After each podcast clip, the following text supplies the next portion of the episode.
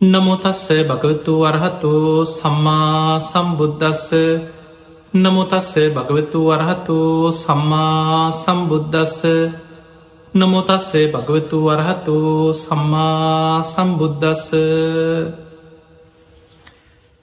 හැම දෙනාටම තෙරුවත්සරණ ප්‍රාර්ථනා කරමින් අදත් ඔබ හැම දෙනෙක්ම ඔබේ ජීවිතයට වැදගත් ඉතාම වැදගත් ධර්මකාරණා රැසක් ශ්‍රවනය කරන්න සූදානන්වෙන්. පිංහතුනේ අද මේ ධර්මාණු ශාසනාවෙන් අපි විශේෂයෙන් කතා කරන්නේ අතහැරීම තියාග සම්පත්තිය දානය එහි ආනි සංස සසරි නිවන් දකිනකල් ලැබෙන ආකාරය පිළිබඳ.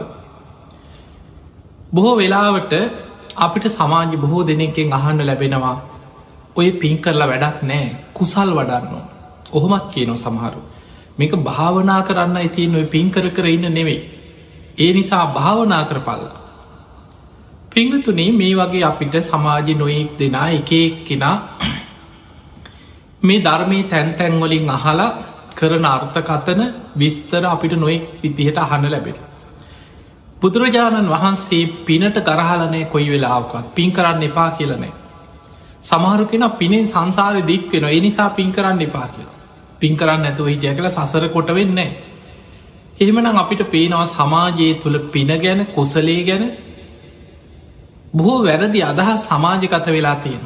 සම්පූර්ණ නොදැනුවත්කම. පිංහතුනේ බුදුරජාණන් වහන්සේ පින ගැන අපිට පෙන්නල දෙන්නේ මා භික්කවේ පුඤ්ඥානම් භාහිත මහනෙන පිනට නම් බයවෙන් දෙපා කියන කවදාවත්. ඒ නිසා කොයිම වෙලාවකවත් පිනට බයවෙන්න එපා.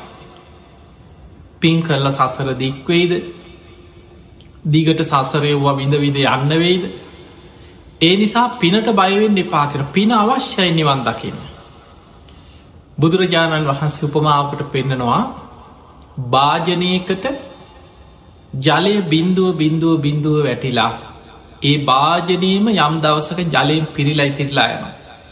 සමට ලොකු භාජනයකට බින්දුව බින්දුව බින්දුව වැටෙන්න්න වෙන්න පුළුව හැබැයි ඒ භාජනය ජලයෙන් පිරිලා ඉතිරිලා යනවා.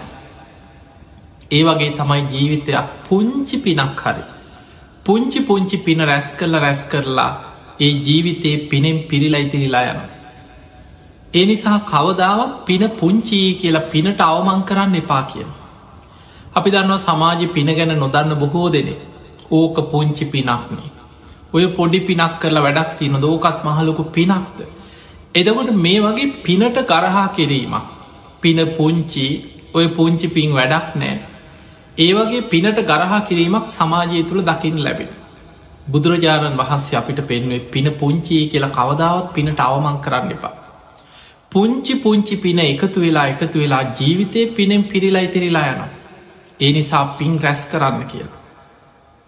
බුදුරජාණන් වහන්සේ පෙන්නා මහනෙනි දානයක වටිනාකම මේ ලෝකෙ බුදු කෙනෙක් තරම් මේ මිනිස්සු දන්නවනං තමන් කොච්චර බඩකින්න හිටිය. අපි ගම දවස් ගානකින් හරියට කෑමක් නැති කෙනෙ කවුරු හරි කෑම එකක් දෙනවා කන්න කියලා. අර බඩකින්නට කාගෙන කාගෙන යන්න පුළුවන්. හැබැයි පිනේ වටිනාකම දන්න කෙනා කොච්චර කුසගෙන තිබුණත් සතෙකුට හරි කොටසක් දන් දෙනවා. මහනෙන ඒ තරන් දානය ආනිසංසතියනව කියල බුදුරජාණන් වහන්සේ වදා. ඔන්න ඔය හේතුව නිසාවයි දේශනාවතින ඔය කාරණය නිසා අද අපි දන්නවා ලංකායි බොහෝ සමහර විහාරස්ථානවල බොහෝ ආරණ්‍ය සේනාසනවල පවා ස්වාමීන් වහන්සේලාගේ පාත්තරවලට දාන ලැබුණට පස්සේ පිඩ පාතියන ස්වාමීන් වහන්සේලා පවා. ඒ දානෙ වලදන්න පෙර කොටසක් සතෙකුට හරි අයින් කරලා දන් දෙනවා. කොටසක් වෙනම ඉවත් කරන ඉවත් කරලා සතෙකුට ද ආහාර පිණිස දෙනවා. බුදුරජාණන් වහන්ස පෙන්ව මේ පිනේ වටිනාකම දන්න කෙනා කවදාවත් තනියම කන්නෑකි. ඒ තරම් දානය කියන්නේ ආනිසංස සහිත දෙයක් පින්වත. ඒ නිසා පිංහතුනේ දන්දීම අතහැරීම ත්‍යාග සම්පත්තිය ජීවිතයේ පුරුදු කරගන්න දක්ෂවේ. බුදුරජාණන් වහන්සේ මේ දානය ගැන මහා කරුණු ගොඩක් පෙන්න්නන මේ ධර්මී තියෙනවා සාරානීය වතපුරනවා කියලා. සමහර කාලවල සමහර භික්‍ෂූන් වහන්සේලා උන්වහන්සේලාට දන් දෙන්න ලොකු දෙයක් නැතිවෙන්න පුළුවන්. හැබැයි උන්වහන්සේලා පින්ඩ පාති ගිහිල්ලා ඒ තමන්ට ලැබෙන පින්ද පාත කොටස දන්දෙන. ස්වාමීන් වහන්සේලාට ආහාර පිණිස දානය පිණිස පූජාකර පවස්ථා ධර්මය තියෙන. කාශ්‍යප බුදුහාන්දුරන්ගේ කාලේ යාළුව දෙන්නෙක් ගැන කතාවක්වෙන මේක තියෙන සුමනා සූත්‍රය. කාශ්‍යප බුදුරජාණන් වහන්සේගේ කාලි යාළුව දෙන්නේ. මේ දෙන්න පුංචි කාලී දං තරුණ කාලී දම් බොහොම හොඳට දැනාදුරන යාළුව මිත්‍රයෝ. එතකොට මේ අය මේ යාළුව දෙන්න තරුණ කාලෙම දෙන්න කතා වුණ අපි පැවිදිවිමු. අපි විමුක්තිය හොයාගෙනයන් කියලා එකටම අර යාළුව දෙන්න ගිහිල්ල පැවිදි වුණ එකම තැන පැවිදි වුණ. දැන් එකට භාවනා කරනවා එකට පිණ්ඩ පාති වඩිනවා එකට ධර්මසාකච්ඡා කරනවා බොහොම යාළු මිත්‍රකමෙන් එකට ගුණ ධර්ම පුරාගෙන හිටිය. ඔහොම ඉන්නකොට එක ස්වාමීන් වහන්සේ නමක් හරියට මේ යාලුව දෙන්නගේ එක්කෙනෙ කරි කැමති දන්දේ. ඒ නිසා එක ස්වාමීන් වහන්සේ නමක් උන්වහන්සේ මොකද කරත් දෙන්න එකට පිණ්ඩ පාති ගියාට එක ස්වාමීන් වහන්සේ නමක් පින්ඩ පාති ගිහිල්ල තමන්ට ලැබිච්ච දානටික වලදල භාවනා කරනු. අනෙක් ස්වාමීන් වහන්සේ පින්ඩ පාති ගිහිල්ල තමන්ට ලැබෙන දානටි කරගෙන නැවිල්ලා ආරාමීන් අනෙක් ස්වාමීන් වහන්සේලාට බෙදල දෙනවා. ආශ්මතුනි අද පින්ඩ පාති ලැබිච්ච නැති අයි ඉන්නවාද. අද ඔබහන්සේලාටත් එක්කම පින්ඩ පාතිගෙනාව මගේ පින්ඩ පාති කොටස පිළිගන්න කියලා තමන්ගේ දානටි කනෙක් ස්වාමීන් වහන්සේලට දන්දේ. එහෙම දන්දීල වෙලා බලනවා තාම ඉර අවරට ගෙහෙන්නේ දානි වලදන්න පින්ඩ පාතියන්න පුළුවන් ආයිත් පින්ඩ පාති වඩින්. ඒ ලැබිච්ච දානය ටික සමහරලාට ගිලන් සාමීන් වහන්සේලාට දානය අඩු අවස්ථාවක් තිබුණොත් ඒටික ආයි දන් දෙනවා. සමහර වෙලාවට තමන් පින්ඩ පාති කරගත්ත දානය අනෙක් සාමීන් වහන්සේලාට දන්දීලා තමන්ගේ දානටික නැතුව යනු තමන්ට නැති වෙනවා. ඒත් සිතුවිල්ලකින්වත් මට නැති වුණානේද කියල හිතන්නේ. අනේ සාදු අනේ සාදු කොච්චර දෙයක්ද. අද මං පින්ඩ පාති කරගෙන මගේ දානේ සංඝයාට දන්දුන්නා. මට ලැබිච්ච පින්ඩ පාති දානය වලඳ ලද ස්වාමීන් වහන්සේලා සීල සමාධි ප්‍රඥා වඩනු. අනේ සාදු කියල ඒ පින් අනුමෝදන් වෙන. එතකොට ඔය විදිහට තමන්ගේ ජීවිතයේ බොහෝ කාලයක් ඒක වතක් හැටියට සාරාණීය වත කියල සඳහන් වෙන. උන්වහන්සේ භාවනත් කර හැබැයි උන්වහන්සේ උදේ වරුවී දම්ම කරන්න පින්ඩ පාති කියල තමන්ට ලැබෙන දානටික අනෙක් සාමීන් වහසලට දම්දේ. දැන් යාලුව දෙන්න එකාරාම හිටියත් එකට පැවිදි වුණත් එකට බණභාවනා කරගෙන හිටියත් දැන් මේ කෙනා බොහෝ පින් කරගත් හරියට දන් දෙන නිසා සාරාණීය වතපුරීමත් එක්ක පින්ඩ පාති ගිහින් තමන්ට ලැබිච්ච දානටි අනෙක් ස්වාමීන් වහන්සේලට දන්දීල හරියට පින් කරගත්ත. දෙන්නම මරණින් මත්ත මේ සාමීන් වහන්සේලා දෙනමට මාර්ග පල් ලබන්න බැරිවුණ හැබැයි හොඳට බණ භාවනා කරා සිල්වත් වැඩ හිටිය කාශ්‍යප බුද්ධ ශාසනය මේ දෙන්න මරණින් මත්තේ දිවිය ලෝක ඉපදුනා.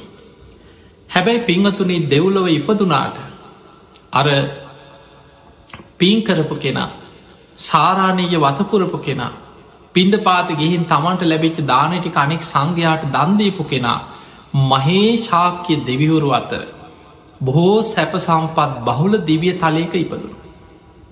අන්න බලන්න පිනේ විපාක තමන්ගේ පින බලවත්.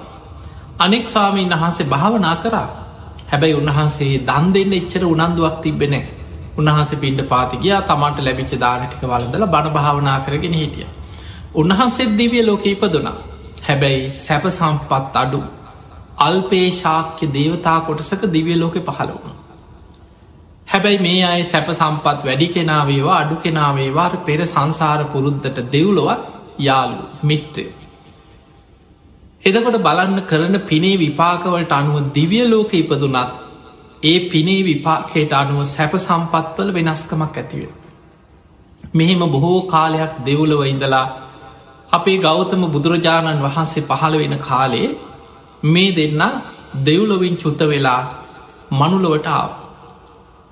ඒ මනුස්සලෝකෙට ආවට පිනට අනුව තමයි උපත සිද්ධවෙන්.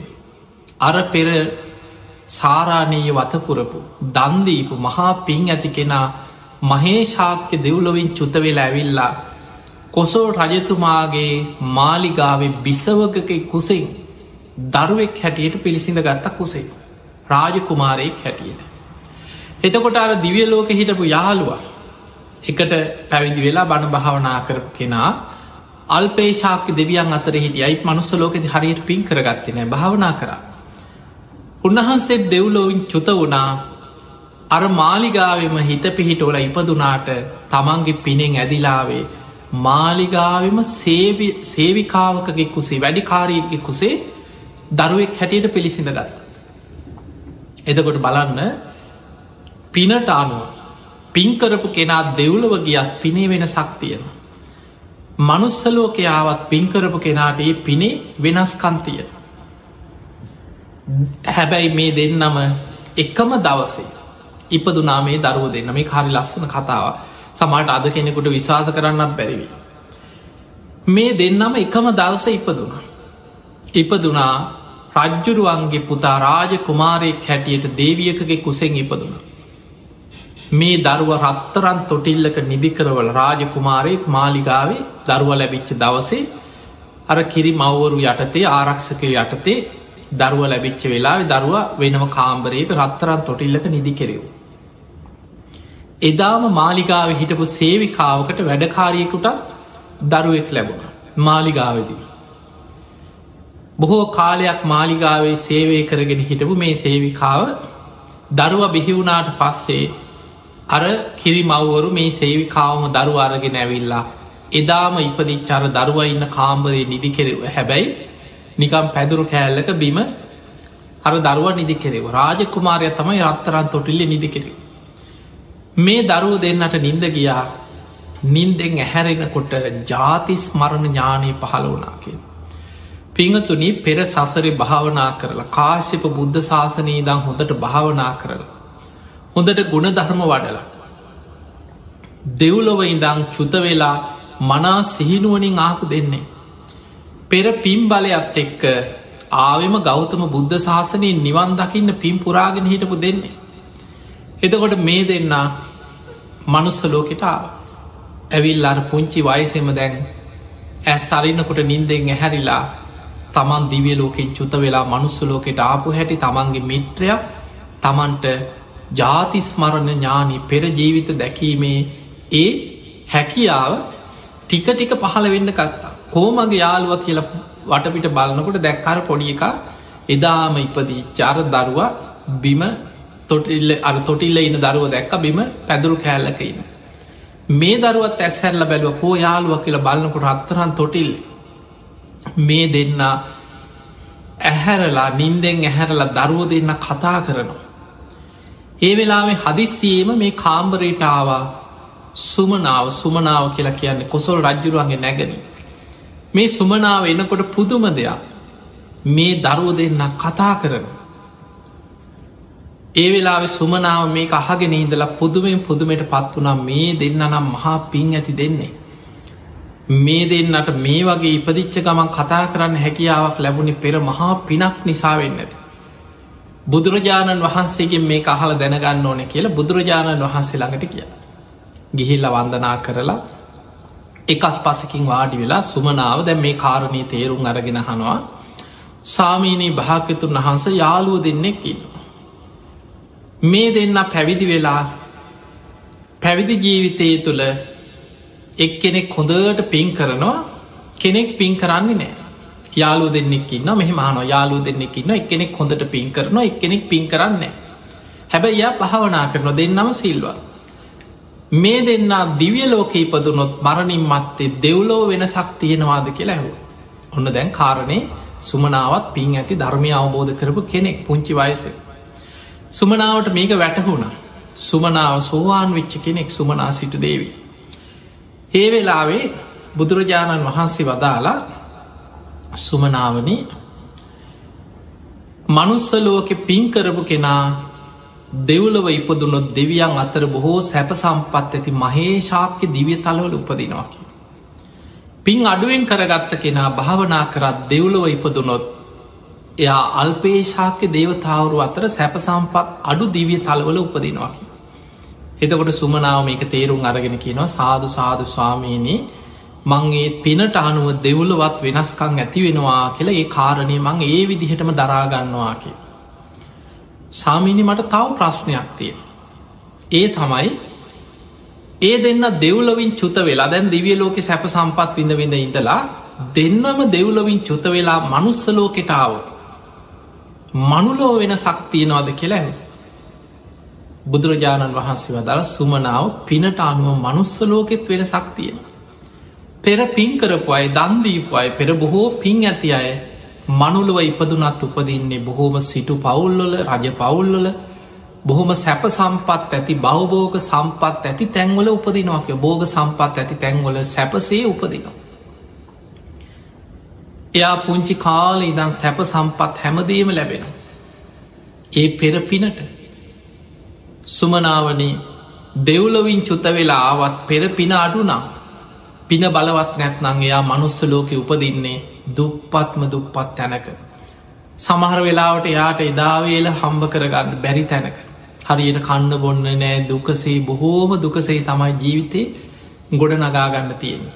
පිනට අනුව තමයි මනුස්ස ලෝකෙත් මේ සැප සම්පත් ලැබෙනවා කෙනෙක සිද්ධ වෙන්න කියලා බුදුරජාණන් වහන්සේ වදා. සුමනාව ඒ වෙලෙත් කියනවා සාදු සාධු ස්වාමීනී මම ඒ කාරණය ඒ විදිහටම දරාගන්න. පිනට අනුව දෙව්ලෝ විතරක් නෙවේ මනුලවත් වෙනස්කං ඇතිවෙනවා කියලමං ඒක දරාගන්න. සාමීනි මට තව ප්‍රශ්නයක් තිය. මේ දෙන්නම පැවිදිවුණු දැම් මේ දෙන්නම පුංචික මනුස්ස ලෝක මොනවෙන් රජකුමාරයෙක් වුණත් ඊළඟට වැඩකාරීගේ දරුවෙක් වුණත් මේ දෙන්නම පැවිදි වෙනවා. දැන් ඔබ දන්නවා පැවිදි වෙනකොට කුඩා වූද මහත් වූද ඥාතීන් අතහැරලා. අර ගිහි සැප සම්පත් ගිහි නම්බුනාම තානාන්තර මෙයා රජ පවුල කෙනෙක්ද මෙයා සිටු පවුල කෙනෙක්ද මෙයා බ්‍රාක්්මණයෙක්ද මෙයා මොන කුලේද ඕ එකක්කත් පැවිදි වුණාට පස්සේ අදාලනෑ. ඒව ඔළුව තියාගෙන ඔළු ඉදිමවාගෙන ඉන්න ඇති හැබැයි බුද්ධ ශාසනය තුළ බුදු හාමුදුරුව පෙන්වේ මහනෙන කෙනෙක් පැවිදි වෙනකොට අර ගිහි ජීවිතවල තිබ්බොක්කොම දේවල් නම්බුනාම ගෞරවනාම උස් පහත්කං කුලබේද ජාතිබේද ඔක්කොම අතහරි. අතහැරලා සියලු දෙනා සාක්‍ය පුට්ට ශ්‍රමණ බුදුරජාණන් වහන්සේගේ දරුවන් වන ශ්‍රමණයම් බවට පත්වෙනවා. අන්න පැවිදි වෙනවා කියලා කියන සාක්‍ය පුට්ට සමන බුදුහාන්දුර ලස්සන උපමාවක් පෙන්නවා ගංගා යමුණා අචිරවති සරභූ මහි එක ඒක ගංගාවල් ගලාගෙන ගලාගෙන ඇවිල්ලා මහමුහුදට වැටෙනවා. හැබැයි ඒ ගංගා එනකොට මිනිස්සු මගදි නංගොත් කියනවා මේ යන්නේ ගංගා නංගාග ආමේ මේ යන්නේ සරභූ ගඟ ඔය තියෙන මහී ගඟන එක ඒක නංගොත් කියනවා. හැබැයි මොන නංගොත් ඇතු ආවත් මහා සාගරයට වැටුනට පස්සේ සාගරය තුළ වෙනසක් නෑ. ඒ ඔක්කොම සාගර ජලය බවට පත්වෙන. මුහුද තුළ වෙනම නෑන මේ ගංගානන්ගගේ වතුර ඔන්න ඔය ටික. අන්න මුහුදේ අතන තියෙන්නේ සරභූගන්ගේ වතුර හිම නෑ. මහා සාගරයට වැටුනට පස්සේ ඔක්කොම සාගර ජලය බවට පත්වෙන. මහා සාගරය තුළ වෙංවෙන්ව නෑ. ඒ වගේ තමයි කියව මගේ බුද්ධ ශාසනයක්. රජ පවුල කෙනෙක් සිටු පවුල කෙනෙක් පහත් කුලේක කෙනෙක් සුද්‍ර දැ සුනීත සෝපාක වගේ අය පැවිදි වුණා රාජකුමාරුරු පැත් ඒ කවුරු බුද්ධ ශාසනයට ඇතුල් වුනත් ශාසනයට ඇතුල්ලෙනවා සමගම පැරණි නංගොත් සියල්ල අතහැරලා සාක්‍ය පුට්‍ර ශ්‍රමණ කියන කොටසටයි අයිති. දැන් විසා අර සුමනාවහනෝ සාමීනී භාග්‍යතුන් වහන්ස රජ පවුලෙ වුනත් දුප්පත් පවුලක වුනත් ඒ සියලු පැරණි බැඳී ගිහි බැදීම් ඔක්කොම අතහැරලා එකට පැවිදි වෙනවා. මේ දෙන්න පැවිදි වුණාට පස්සේ පැවිදි ජීවිතෙත් වෙන සක්තියනවද කියලා ඇහුව. පිංහතුනී පිනේ ස්භාවය ඔබ හොඳට තේරුම් ගන්න.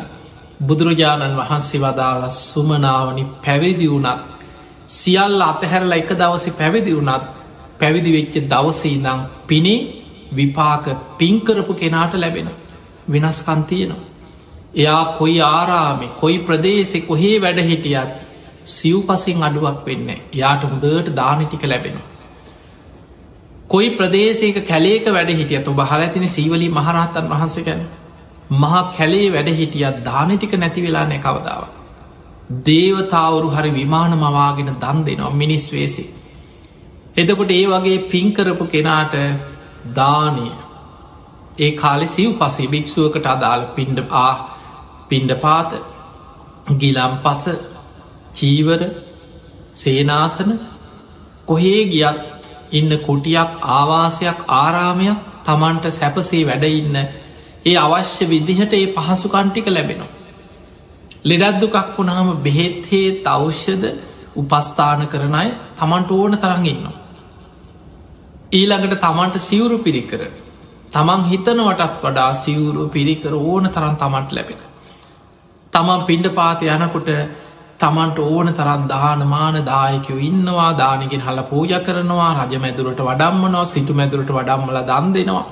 තමන්ට සිව් පසේ පහසු කන්ටික පැවිදි වෙච්ච දවසයිදම් තමන්ට උපරිමෙන් ලැබෙන. යාට හොඳ ලැබීමක් තියන පැවිදි ජීවිතේ. ඇයියා පෙර සසර පින්කර ගත්ත කෙන. බුදුරජාණන් වහන්සේ වදාළ සුමනාවනී පෙර සසරි දන්දීල නැත්න පින් කරලා නැති කෙනා උපෝපං ආත්ම භාවල පැවිදි වුනත් සියල්ල අතහැරලා පැවිදි වුනත් පැවිදි වෙච්ච දවසඉදම් පින්ඩ පාතිකයාට හරියට දාන ටික ලැබෙන්නේ. ලෙඩත් දුකක් වුණහම බෙහෙතක් හේතක් හරියට ලබාගන්න මොකක් හරි වෙලා මගෑරේ. සමහට හරියට කෙනෙක් නෑ ළඟ ඉන්න කෙනෙක් නෑ බෙහිතක් ගන්න විදිහක් නෑ එක්කො මොකාක් හරි ප්‍රශ්නයක් කරදරයක් ඇවිල්ල ලෙඩත් දුකක් වුණත් හොඳ වෛද්‍යවරයෙක් මුණ ගැහෙන්නේ හොඳ දායකයෙක් නෑ උදව් කරන්න පෙර සසර පින් කරපු නැති කෙනා ආරාමික වැඩ හිටියත් මොකක් හරි ප්‍රශ්නයක් එක් අනික් ස්වාමීන් වහන්සේලා එකතු වෙලා හරියට හිංසා කරනවා උන්වහන්සේට ආරාමෙන් යන්න වෙනවා ඉන්න තැනත් නැති වෙනවා. සමහර වෙලාවට මොනවා හරික්ක ගහක් හරි කඩාගෙන වැටෙනවා ඉන්න කුටියට. තමන් බේරෙනවා වෙන්න පුළුවන්. තමට පින්ට පාතිගිහින් එනකොට එක්ක කුටිය කඩලා හොරු කඩලා එක්කෝ ගහක් කඩාගෙන වෙල්ල මොනවා හරි ප්‍රශ්න. තමන්ගේ ජීවිතයේ පැවිදි ජීවිතය තුළ සිව් පසේ හොයාගන්න හරි දුකක් විඳන්න සිද්ධ වෙනවා. බණ භාවනා කරන්න නිවන් දකින්න හරි තමන්ට මූලික අවශ්‍යතාටික තියෙන්නවා.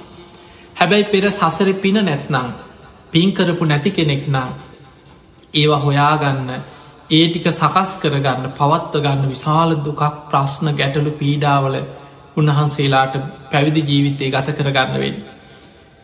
මේ කාරණී බුදුරජාණන් වහන්සේ විස්තර කරද්දි සුමනාව සාධ කාරදී ලකින සාධු සාධු සාධු ස්වාමීනි මම ඒ කාරණයක් ඒ විදිහටම දරාගන්න.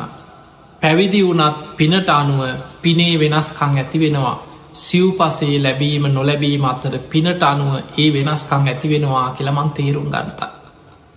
ස්වාමිනි මට තව එක ප්‍රශ්නයක් තියෙනවා කිය. ඒ තමයි මේ දෙන්නම වීරියෙන් භාවනා කරලා රහත්වෙනවා. සිව්පසේ තිබීම හෝ නොතිබීම රහත්වෙන්න බාධාවක් නෙමේ. ඔබ දන්නවා දානි නොලැබිච්ච ලෝසක හාමුදුරු රහත් වුණ ලෝසක මහරහතන් වහන්සේ. උන්වහන්සේ පින්ඩ පාතය යනකොට දානටික ලැබෙන්නේ. මිනිස්සු පාතරයට දාන බෙදන්න බලනකොට පාත්තරයේ පිරිල වගේ පේනවා පෙර සසර කර්ම විපාකය. ඊළඟට පාත්තරයට දෙයක් ලැබුණත් වලදන්න ගන්නකොට පිරුණු වෙලා. කොච්චර කර්ම ඔබහලා ඇතින් ලෝසක මහරහත්තන් වහසගේ ජීවිත කතාව හල ඇති.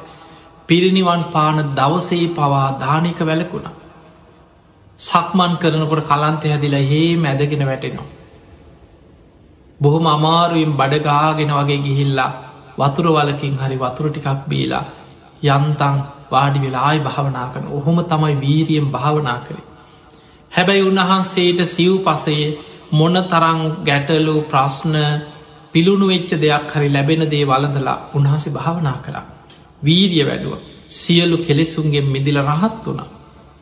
ඊළඟට අපේ බුද්ධ ශාසනය වැඩහිටිය ලැබී මතර අග්‍රම කෙනා සීවලි මහරහත්තන් වහන්සේ.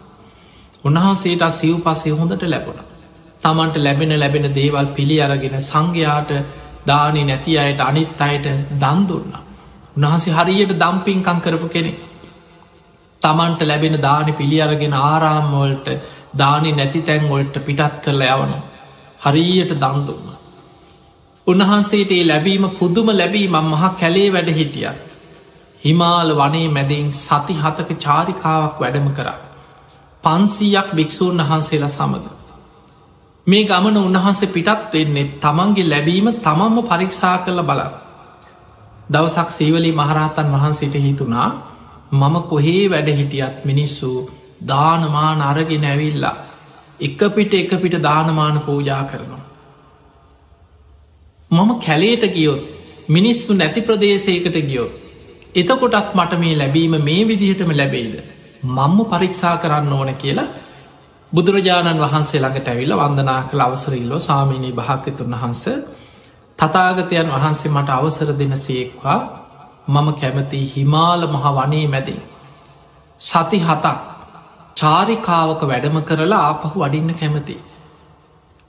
ඒවිලි බුදුරජාණන් වහන්සේ හනෝ සීවලි ඔබ තනියමද මේ ගමන පිටත්තේ. සාමිනි තනියම තමයි පිටත්වෙන්න හිටිය.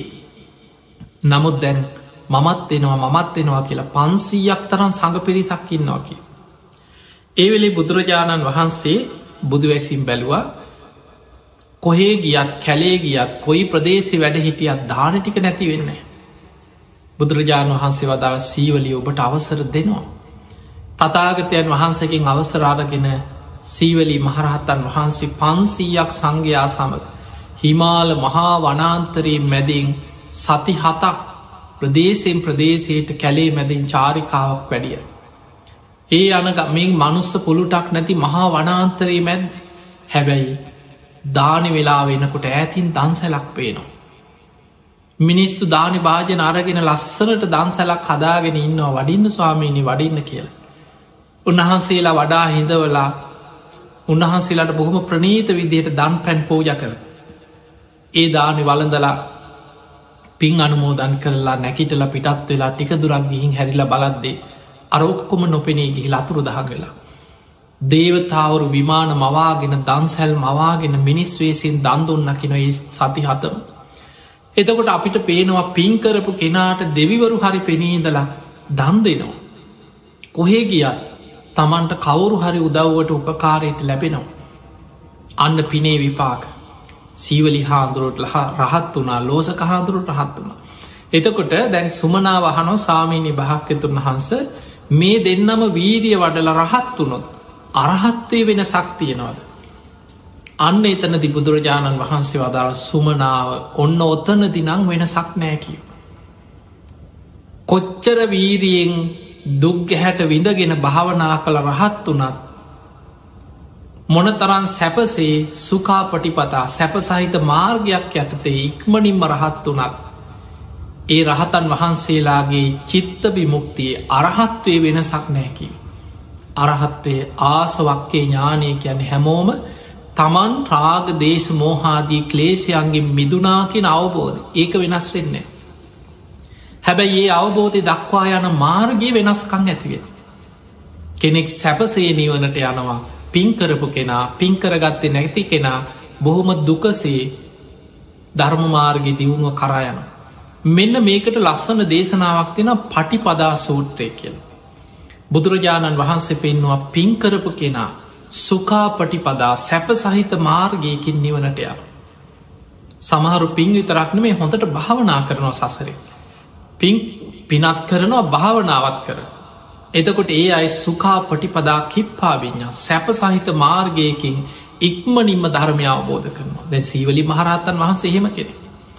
සීවලී කුමාරයා පුංචිකා හැබැයි මතකතියාගන්න කොච්චර සසර පින් තිබුණා පෙර සසරේ කරපු කර්ම විපාකයක් විපාක දෙන්න තියෙනවනන් ඒකත් විපාක දීගෙනමයි පිනේ විපාක මතුවෙන් දැන් බලන්න මහා දන කුවේරයක්. මානසික හරි පීඩා විඳින්න නැද්ද? ඒ මිනිස්සුන්ට සමහලාට දරුවෙක්ග ප්‍රශ්නයක්. මහා කෝටිපතියෙක් වෙන්න පුළුවන්. සැප සම්පත් උතුරපු කෙනෙක්. හැබැයි විදවන්න මොකක් හරි දෙයක්. එක්කො පවුලේ මොනවහරි අඩු පාඩුවක් තියෙන දරුවෙක් එක්කො කාට හරි එක්කො පිස්සු හැදිච්ච කෙනෙ කායික හරි මානසික හරි ආබාධයක් තියෙන කෙනෙ එක්කො මොකක් හරි අනතුරක් එක්කෝ ශරීරාවයාවයක ප්‍රශ්නයක් එක්කො ලෙඩක් මොට මොනෝ හරි අර දේවල් ලැබෙනව වගේම කර්ම විපාකත් පස්සෙන් එනවා. සීවලී කුමාරයට ඔබ දන්නවා මවකුසි අවුරුදු හතකොත් මාස හතක් මවකුසක බොහෝ දුකක් විදින සිද්ධ වුණ. දරුව උපදින්න ගිහිල්ලක් දින හතක් උපදින් නැතුව වේදනාවෙන් හිරවුණාකේ. යන්තන් බුදුරජාණන් වහන්සේගේ ආශීර්වාදය නිසා මහලීකෙන රාජකුමාරය සුප්පියා උපාසිකාව තමයි අම්ම සීවලි කුමාරය මහලී රාජකුමාරය තමයි පියා මේ රාජ දේවිය හිතුවේ තමන් මැරේ කියලා. මෙච්චර දවසක් දරුවක් උසේ වැඩිලා වැඩිලා ඉප දෙන්න ගිහිල්ලා දරුව ඉපදෙන් නැතුව විශාල වේදනාවක් විදිනකොට මේ අම්ම හිතුවා මං මැරෙයි අද වගේ බඩ කපලා දරුව ගන්න ක්‍රමේ කාලේ ඒ ක්‍රමේ තිබිලන්නෑ එතකොට ඒ වෙලාවේ රාජ කුමාරය මේ අම්ම කියනවා ඔබ ගිහින් බුදුරජාණන් වහන්සේ ඇතුළු සංඝයාට ආරාධනා කරලා දානයක් දෙන්න. ජීව මත තමන් ජීවත් වෙලා ඉන්න ඇද්දී තමන්ට මතක දානයක් ජීව මතක දානයක් දෙන්න ඕන. බුද්ධ ප්‍රමුඛ සංඝයාට ආරාධනා කරන්න. මේ සුප්පියා උපාසිකාව කියන් බුදුරජාණන් වහන්සේගේ ඥාති නැගනියක්. කෝලිය වන්සික බුදුහාදුරන්ගේ අම්මගේ පැත්තේ ඥාතීත්වයක් තියෙන නැගනිය. ඒ වෙලා මහලි රාජකුමාරය බුදුහාන්දුර හොයාගේ නැවිල්ල වන්දනා කළ කෙන සාමීනී භාගතුන් වහන්ස. ඔබහන්සේගේ ඥාති නැගනියක් වන සුප්පියා උපාසිකාව බොහෝ දුකට පත්වෙලා දරුවෙක් බිහි කරන්න දරුව බිහි නොවී අවුරුදු ගානක් දරුව දැන් කුසේ වැඩිලා විශාල වේදනාවක් විදිනවා. සාමනී භාග්‍යතුන් වහන්සේ ඇතුළු සංඝයාට දානයට ආරාධනා කරන්නයි මේ ආව ජීව මතක දානයක් දේ. ඒවිලේ බුදුරජාණන් වහන්සේ බුදුමුවින් වචනයක් කියවුණා සුප්පියා සුවපත්තේවා සුවසේ දරුව බිහිවේවා කියලා තතාගතයන් වහන්සේගේ බුදුමුවින් ඒ බුද්ධ වචනය පිට වුණ. ඒ බුද්ධ වචනය බුදුමුවින් පිට වෙනවා සමගම බලන්න මේ බුද්ධ වචනයක තියෙන බුද්ධ ශක්තිය අර වේදනාවෙන් හිටපු අම්මාගේ වේදනාව සැනින් නැති වුණ. දරුව ඒ සැනින් දරුව බිහි වුණ බලද්දි දරුව බිහි වෙලා වේදනාවත් නැතුව දරුව අච්චර වේදනාවෙන් හිටපු අම්ම. මේ මහලී රාජකුමාරයා බුද්ධ ප්‍රමුඛ සංඝයාට දානයට ආරාධනා කළ නිවසට යනකොට මෙන්න දරුව ලැබිලා පුත්කුමාරය ආපහු දුවගෙනාව දේවිය කිව්වා මේ සතුටට බුදුහාමුදුරුව ඇතුළු සංඝයාට දවසක් නෙමේ දින හතක් මාලිගාවට වඩම්බල දන් දෙමු. බුද්ධ ප්‍රමුඛ සංඝයාට දින හතක් දන්දුන්න. එදකොට ඔන්න ඔය විදිහට දන්දීලා. ඒ දානය අවසානය තමයි සාරිපුත්ත හාමුදුරුව බුදුරජාණන් වහන්ස සාරිපුත්ත හාමුදුරළඟට මේ දරුව කතා කර කතා කිරීම හැයි දරුව කුසේ වැඩිල ලොකු දරුවෙක් හැටියට අවුරුදු හතක් කුසේ වැඩිච්ච දරුවෙක් හැටියට ඉපදුන.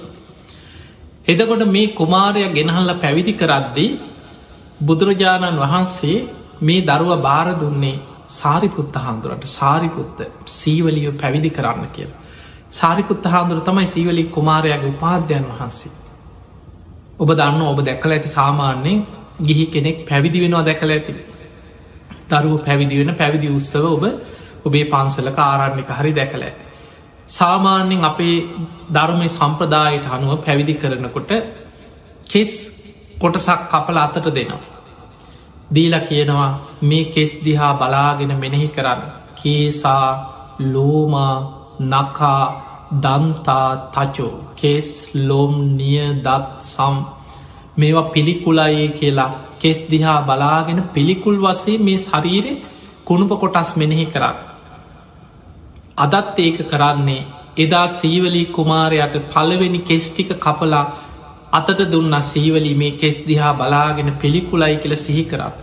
අර පළවෙනි කෙස්ටික අතට දෙනකොටම කෙස් පිළිකුල් වසේ මෙනෙහි කරනකොට සෝතා පන්න පලට පත් වුණා. දෙවනි කෙස්ටික කපල අතට දුන්න සීවලී මේ කෙස්ටික අතේ තියාගෙන පිළිකුලයි කියලා මේ කයේ අතා ස්භාවේ නුවනින් මෙනෙහි කරන්න. සකදාගාමී පලට පත් වුණා. තුන්ගෙන කෙස්රොද කපල අතර දෙනකොට අනාගාමි වුණා හිස බාල අවසන් වෙනකොට සිවුර පොරවන්නත් පෙර කෙලෙසුන්ගේ මිදිල රහත් වෙලා ඉවරයි. සීවලි කුමාරය රහත්වේ නොය විදිහට. පැවිදි කරන්න හිස මුඩු කරද්දී සිවුර පොරවන්නත් පෙර හිස මුඩු කර අවසන් වෙනකොට රහත් වුණා. අර කෙස් දිහා බලාගෙන පිළිකුල මෙනෙහි කර.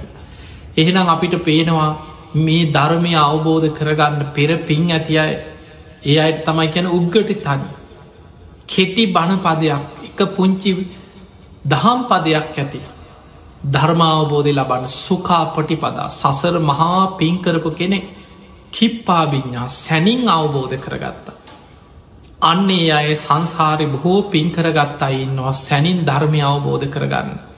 සුකාපොටිපද ඒ අයි සසර එන්නේ දිවිය ලෝකවල බ්‍රහ්ම ලෝකවල මනුස්ස ලෝක ඉපතුනා රජ පවුල්වල සිටු පවුල්වල. සසර සැප සහිතවම දෙව්ලෝ බඹලව මනුලව ඉපදීපද ඇවිල්ලා පින පිරිලා බුද්ධ ශාසනය නිවන් දකින්නකොට ලොකු එහෙසක් නෑ. සමට එක ගාථාවෙන් එක දේශනාව අහල අවසන් වෙනකොට එක්කො මලක් පරවෙනවා බලාගෙන ඉඳලා. ඒ තුළින් කයානුව ගලපල ධර්මය සෙහි කරලා ධර්මාවබෝධය ලබන අන්න සසර පිනයි භාවනාවයි දෙකම දියුණු කරගත්තාය. සමහරයින්නවා සසරේ හොඳට පින් කරන. හැබැයි භාවනා කරන්න. ඔබට මේ චරිත සමාජි තුළ අදත් දකින්න පොළ සමහරු ඉන්නවා හරියට පින්කං කරනවා පින්කන් සංවිධානය කරනවා මිනිස් එකතු කරගෙන පින්කං කරනවා. හැබැයි භාවනාවක් කරන්නේ භාවනාවකට හිත නැඹුරුවක් නෑ ධර්මය නුවනින් විමසන්න සමට බණ කියවනවා. අනිත් අයට බනස්සනවා යා බණහන්නේ ඔබ ඕන තරන් ඒ වගේ චරිත දැකළ ඇති. තමම්ම ස්වාමීන් වහන්සේලා වඩම්මල ධර්ම දේශනා කරවන. ඒන මිනිස්සු ඔක්කොටෝ හොඳට වැඩේ ලෑස්ති කරලා දානෙ දෙනවා. දාහක් බණහන් ආවනම් දාහටම උයලා පිහලා කෑමටික දීලා දන්සැල් දාලා හොඳට පින්කම කරලා සතුටු වෙනවා. අනේ කොච්චර දෙයක් අත හොඳට මිනිස්සු බණෑහුවක් හැබැයි යා බණහලනෑ එයා ඒ වෙලාවේ වෙන වැඩ කරලා අර කෑමබීම හදලා මිනිස්සුන්ගේ වැඩ කරලා සංවිධාන වැඩ කරලා එයා ඒ විදිහට පින් කරගන්න. භාවනාවට තාම නැඹරුවක් නෑ. එහෙම අය අදස් සමාජය වුණ තරන්ගන්න පිංහතුනී එවැනි අය සසරයේ සුකාපටි පදා සැප සහිත මාර්ගයකින් සසරේ දෙවුලව බඹලව මනුලව ඉපදුනාට රජ පවුල්ලල සිටු පවුල්ලල ඉපද ඉපදී නිවන කරායන හැබැයි නිවන් දකින ආත්මේ අර පෙර සසරේ භාවනා ප්‍රඥානුවන වඩල නැති නිසා භාවනාව දියුණු කරගෙන නැති නිසා නිවන් දකින්න ගිය හම ලොකු කාලයක් යන සමහට එයාට එක ගාථාවහලා අමාරුයි. දීර්ග දේශනාවක් කාලත් අමාරුයි. යා කාලයක් සුතා හොඳට බණහනු. දතා ඇසූ ධර්මය ධාරණය කරගන්න. වචසා පරිචිතා. නිතර ධර්මය වචනය පුරුදු කරනු. මනසානු පෙක්කිතා නිතර ධර්මය නුවනින් විමසනෝ. උද කලාව භාවනා කරනවා වීරිය වඩන කාලයක් උත්සාහ කරලා කමටහන් අරගෙන බණ භාවනා කරලා එහෙම තමයි ධර්මය අවබෝධ කරන්න. එයාට රහත්වෙන්න පුළුවන්. ගොඩක් පින තියෙනවා. හැබැයි භාවනා කිරීමේ සසර අඩුකම නිසා අවබෝධය හිමි. එවැනි අයි ධර්මය හඳුන්නනවා සුකාපටි පදා දණ්ඩාබීඥා ප්‍රතිපදාව සැප සහිතයි. හැබැයි අවබෝධය හිමි. අවබෝධ කරගන්න ගහම ලොකු එහෙසක් දරන්න වෙන ඊළඟට පෙංගතුනි සමහර අයින්නවා දම් දෙන්නේ නැහැබැයි හොඳට භාවනා කර එහෙම අයත් අද සමාජයෝක දැකළ ඇද සමහර අය දන් දෙන අයටත් කිය නොවේ දන්දිදී ඕ පින්කං කර කරොය මල්ලිහෙය ඕවා කර කර ඉඳල හරියන්න භාවනා කරන්නයි තියෙන් භාවනා කරන්න භාවනා කරන්න. ඕබොයි පින්කං කර කර සසර දෙක්වෙනවා කිය කිය ඔන්න ඔය වගේ මතවාද කිය කිය අපිතම එයා ඇත්තටම භාවනා කරා කියල. එයා භාවනා වැඩ සටහන්වලට යනවා. යා නතර වෙලා පන්සල්ලොලවෙන් ආරන්නක වෙන්න පුළන් භාවනා මධ්‍යස්ථානක සමහරයින්න සති ගන මාස ගන නිවාඩු දාලා ගිහිල්ල භාවනා කරනවා ගෙදරත් භාවනා කරනවා. හොදවට ධර්මය ප්‍රගුණ කරන්න උත්සාහ ගන්න. නිතර බණහනව අහන ධර්මය නුවනින් විමසනවා. තමන් ලොකු උත්සාහයක් ගන්නවා ධර්මය අවබෝධ කරන්න හැබැයි පින් කරන්නේ පිනට එච්චර උනන්දුවක් නෑ දන් දෙන්න බුදුන් වදන්න මල් පූජ කරන්න අනුන්ට උදව්පකාර කරන්න නැති බැරි අයට පිහිටවෙන් ඒ වගේ දේවල්ලට එච්චර උනන්දුවක් නෑ භාවනා කරන එවැනි අය සසරේ සංසාරයේ දුක්කාපටි පදා දුක් සහිත මාර්ගයක තමයි යාට යන්නවෙන්. හැබැයි භාවනා කරලා ප්‍රඥාව සසරි පුරුදු කරලා නිසා කිප්පාබිඤ්ඥා සැනින් අවබෝධ වෙන. එක බණපදයක් ඇති. එක ගාථාවත් ඇති ධර්මාවබෝධය ලබන් පින හැබැයි සංසර යන්න තියෙන්. එයා මනුලව ඉපදුනත් දුප්පත්ම දුප්පත් තැනක උපදී. සමහර වෙලාවට මොකක් හරි පිනක් බලවත් වෙලා යම් යමක්කමක් තියෙන තැනක ඉපදුනත් ජීවිතයේ කොයි ඉන්න තැන් නැති වෙන. සමන්ට යනනමක් නැතිර මහපාරට වැටෙන. රස්සාාවක් හොයාගන්න ගියත් එතනම් මොකක් හරි ප්‍රශ්නය. ජීවිතයේ හරියට ප්‍රශ්න ගැටලු එපාවීම් කඩාකප්පල් කිරීම් හරි ප්‍රශ්න ගැටලු මධ්‍ය තමයි ජීවිතයේ අරගෙන යන්නේ හැබැයි පෙර භාවනා කරලා නිසා භාවනා කරද්දි හොඳට හිත වැඩෙන. ධර්මාවබෝධයට හිත එකඟ වෙන. ආරයන් වහන්සේලා දකි නාසයි. ඒ බණහද්‍ය අනිත් අයට වඩා ඉක්මට සමාධී වැඩේ. ධර්මී හිත පිහිටනවා භාවනාව හිත පිහිට බුදු කෙනෙක් ඉදිරියේ එක බණ පදයක් ඇති. හැබැයි ඒ නිවන් දකින්න යන මාර්ග දුක් සහිතයි. දැම් බලන්න බුදු හාන්දුරන්ගේ කාලෙ සුනීත සෝපා කළ ඒ අයි ධර්මය අවබෝධ කරා හැබැයි දුප්පත් පවුල්ලොල ඉපදිල අන්ත දුක්විඳල කොච්චර දුක්ග හැට වින්දද ජීවිතය ඒ වගේ බොහෝ චරිත අපිට බුද්ධ ශාසනවල මුණ ගැහෙනු. ඒ සසරේ පින් කරලා නෑ හැබැයි භාවනා කරපයි. එවැනි අයට නිවන් දකින්න කිය හම දුක්කා පටිපදා ප්‍රතිපදාව දුස් කරයි හැබැයි පින නැති නිසා. හැබැයි භාවනා කරපු නිසා අවබෝධ ඉක්මනින් ලැබෙන. ඊළඟට බුදුරජාණන් වහන්සේ තවත් කොටසක් පෙන්නවා දුක්කා පටිපදා දණ්ඩාවීඥා. පිනත් අඩුවේ භාවනා කරලත් නෑ. පිනට කැමතිත් නෑ කවුරුහරි පින් කරනවන ඒකත් වලක් කනු. ඒවට බනිනම්. පින්කං කරන්න උනන්දුවකුත් නෑ භාවනා කරන්න උනන්දුවකුත් නෑ. ඔහේ වෙන දෙයක් වෙන්න තෑ කියල ඔහේ අර අකු සල්ම කර කර සමට පින් කරන්න ගැන ජීවිතය අකුසලේ තමයි හැම වෙලීම රැස්වේ. අකුසල් කර කර පවකං කර කර ඔහි ජීවත්වෙනවා.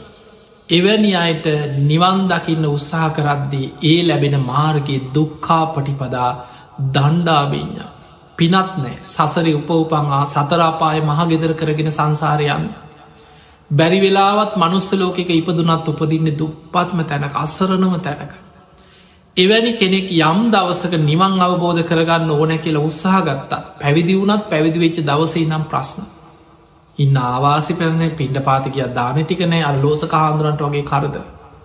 සමහරලාවට ඉන්න තැංගුල සාමීන් වහන්සේලාටත් එපා වෙනවා. දායකයන්ගේ ප්‍රශ්නය නෝ. ආවාසවලින් එක්කො පිරිස එකත් වෙලා එලවනෝ ඔය වගේ හරි ප්‍රශ්න වෙනවා ජීවිතය. තමන් නොකරපු වැරදිවලට නොකරපු දේවල්වලට බැනුම් අහන්න සිද්ධ වෙනවා. නොකරපු චෝදනායනවා ජීවිතයේ පීඩා ප්‍රශ්න ගැටලු මැද්ද තමයි ජීවිතය අරගෙනයන්. භාවනා කරන්න ගියත් හිත විසිරෙන හිත වැඩෙන්නේ බණහනකොට නින්ද යනම් ධර්මය හොඳට හිතේ පිහිටන්නේ ලොකු උත්සාහයක් වීරයක් වඩල අවුරුදු ගනම් වීරිය වඩනවා. ඒත් සමාධයක් වඩාගන්න අමාරුයි. හිත පිහිටන්නේ ධර්මයතු එතකොට ඒකට හේතුව සසර පින් කරලක් නෑ භාවනා කරලක් නෑ ඒනම් අපිට පේනවා මේ පින කියන එක සංසාරිකව පුරුදු කරගත යුතු දෙයක් පිංහතුනි ඔබ දන්නවා දාන පාරමිතාතර සසරෙන් නිවන් දකිනකං සම්පූර්ණ කළ යුතු පාරමී ධර්ම බුදුහාන්දුර පෙන්වා. දාන සීල නයිස්ක්‍රම්ය ප්‍රඥා වීරිය කන්ති සච්ච අධිට්ඨාන මෛත්‍රී උපෙක්හා සංසාර පුරාවට දියුණු කරගත යුතු පාරමී ධර්ම. එතකොට මේ පාරමී ධර්මාතර පළවෙනි මේක තමයි දාන පාරමිතාව දන්දී අතහැරීම ත්‍යාග සම්පත්තිය මේ දානය කියන එක සංසාර පුරුද්දක් කරගන්න. අතහැරීම පුරුදු කරගන්න. බොහොම සතුටෙන් දම් පින්කං කරන්න. නැතිබැරි අයට පිහිටවෙන්. ඒ විදිහට පින්කර ඔබේ ජීවිතය තුළ පුරුදු කරගන්න. ඒ නිසා පින්වතුනි දානය කියනක මහා පින් ඇති දෙයක්. බුදුහාන්දුරුව දක්කිනා විභංග කියල සූත්‍රයක් පෙන්නවා. අපි සතෙකුට කෑම ටිකක් දුන්නත් බොහෝ වෙලාවට කෙනෙක් හිතන්නේ ඔය සත්තුන්ට තමන්ට ඕන තරන් දවසක පින්ක දැ සමහරු ඉදනානේ ඉතින් පින් කරන්න කොහෙද අපිට සල්ලි?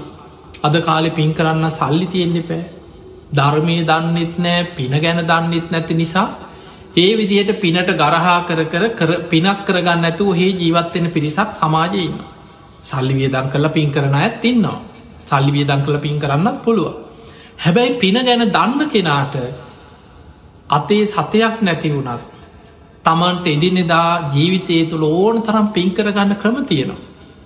එක සතෙකුට බුදුහාමුදුරුව පෙන්වා මහනෙන ඉදුල් භාජනයක් හෝදල විසි කරා.